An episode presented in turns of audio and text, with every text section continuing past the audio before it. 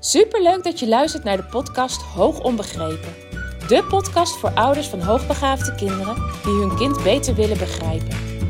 Mijn naam is Eveline Noordzij en in deze podcast deel ik tips en inspiratie zodat jij jouw kind beter gaat begrijpen, meer en meer in jezelf gaat geloven en durft te gaan vertrouwen op jouw intuïtie.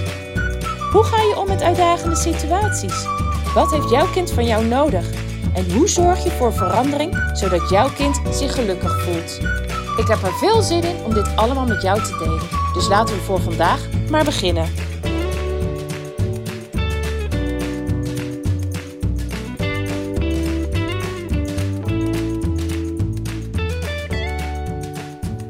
Ha, lieve luisteraar, leuk dat je weer luistert.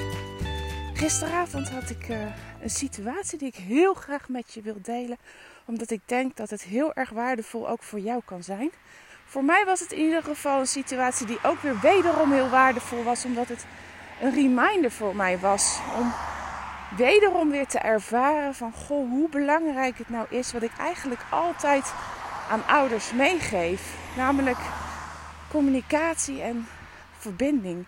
En daarbij is communicatie de sleutelwoord om tot verbinding te leiden. Nou, ik ga je even meenemen in wat er gisteravond gebeurde. Ik was samen met mijn kinderen en de rest van mijn familie uit eten geweest.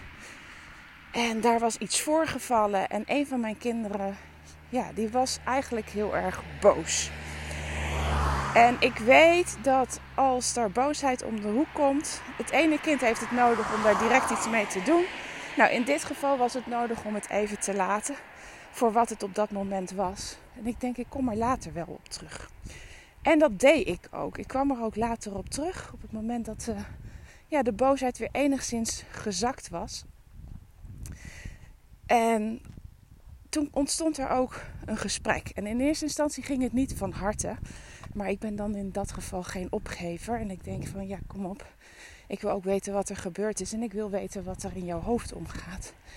En langzaamaan begon mijn kind te praten. En op dat moment kon ik echt alleen maar luisteren. Want ik dacht, zodra ik nu iets ga zeggen, zodra ik maar ga zeggen wat ik ervan vind, of ik ga zeggen wat, wat ik denk dat er eigenlijk gebeurd is. Ja, want de beleving van het kind kan soms heel anders zijn dan hoe andere mensen het gezien en ervaren hebben. Maar ik dacht, nee, dat doe ik niet. Want het gaat hier echt sec om de beleving van het kind. Want die beleving maakt namelijk dat er verdriet is. Dus ik ben in de modus gestapt van alleen maar een luisterend oor bieden. En ik geloof dat dat echt, echt cruciaal is in de communicatie. En allereerst natuurlijk in de communicatie met je kind, want ja, daar gaat deze podcast over. Maar ik denk dat het eigenlijk geldt voor elke vorm van communicatie. En ik zeg het wel vaker, het is de bedoeling dat je gaat luisteren om te begrijpen en niet gaat luisteren om te reageren. Nou, ik merkte dat die houding, ja, dat was een schot in de roos. Want daardoor ontstond er echt ja, meer openheid. Er werd meer verteld over wat de gevoelens waren. En de emoties die eigenlijk onder de boosheid verscholen waren, kwamen ook los. En pas daarna, toen daar alle ruimte voor gegeven was, kon ik ja, mijn, mijn visie, mijn stukje uh, met mijn kind delen. En ik zag dat de visie die ik deelde en, en wat ik zie en wat ik denk en wat ik voel, dat dat echt overkwam. En dat kon alleen maar overkomen omdat er al ruimte was geweest voor de eigen emoties. En door te delen wat ik zag en wat ik dacht, en daarbij ook te benoemen van God, dat is zoals ik er naar kijk, dat is mij, zoals ik het ervaar, ja, kwam er een stukje ontspanning. Want ik kon daardoor ook de andere kant van het verhaal gaan laten zien. En ik kon ook het gevoel dat het, het gevoel dat het kind had, namelijk dat het aan, aan hem of haar lag, kon ik, ja, kon ik wegnemen. En vervolgens, na dat gesprek, besloot ik om nog iets uit de auto te halen. Ik had iets in de auto laten liggen wat we op dat moment nodig hadden. En toen ik terugkwam, toen dacht ik, hé, hey, wat is hier nu eigenlijk gebeurd? Want uh, alhoewel ik de jongste twee in bed had gelegd, al uh, was er van slapen nog helemaal geen sprake. En ze waren echt met z'n vieren gezellig aan het kletsen en ze hadden heel erg plezier. En ik merkte dat het gesprek aangaan niet alleen had gezorgd voor verbinding met het kind, wat op dat moment behoefte had om gehoord te worden, maar dat er ook meer verbondenheid was tussen de kinderen onderling, alsof de lucht ergens geklaard was. En vervolgens ontstond er een heel leuk gesprek tussen mij en mijn pubers over hoe het dan vroeger aan toe ging, over stappen en wanneer ik dan uh, uh, voor het eerst alcohol had gedronken en nou dat soort dingen.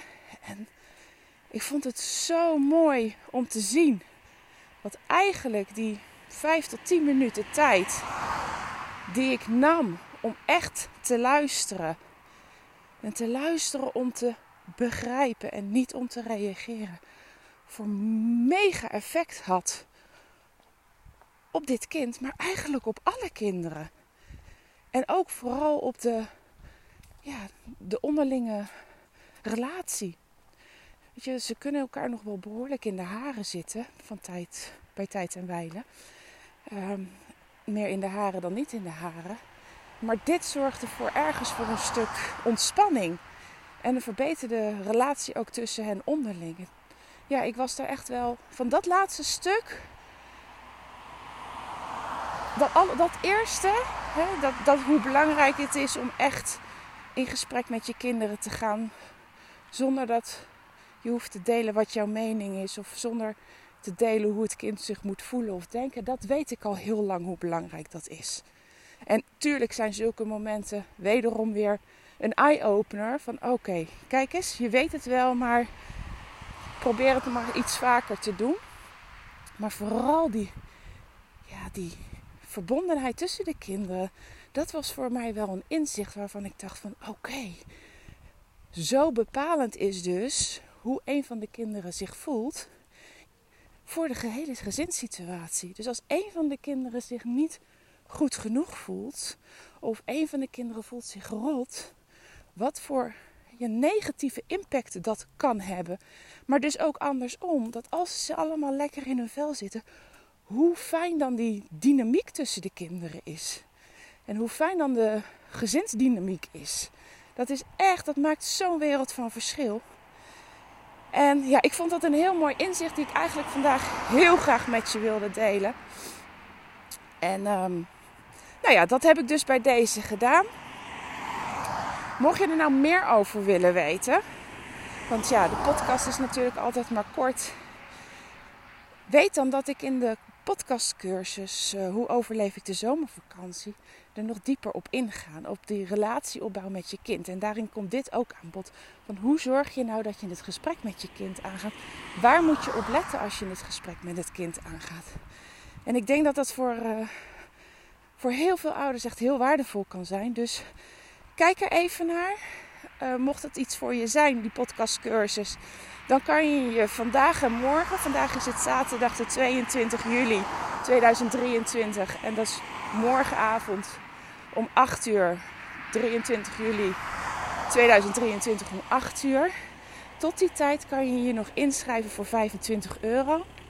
Mocht je de podcast nou later horen en denken: hé, jammer, ik had daar toch echt wel ja, meer over willen weten. Ik had me echt wel willen aanmelden. Aanmelden kan, dat blijft kunnen tot het eind van de zomervakantie, begin september. Alleen de prijs gaat enigszins omhoog. Dus, nou ja, dat. Daar ga ik het bij laten. hey, dankjewel weer voor het luisteren en uh, tot snel. Doei doei!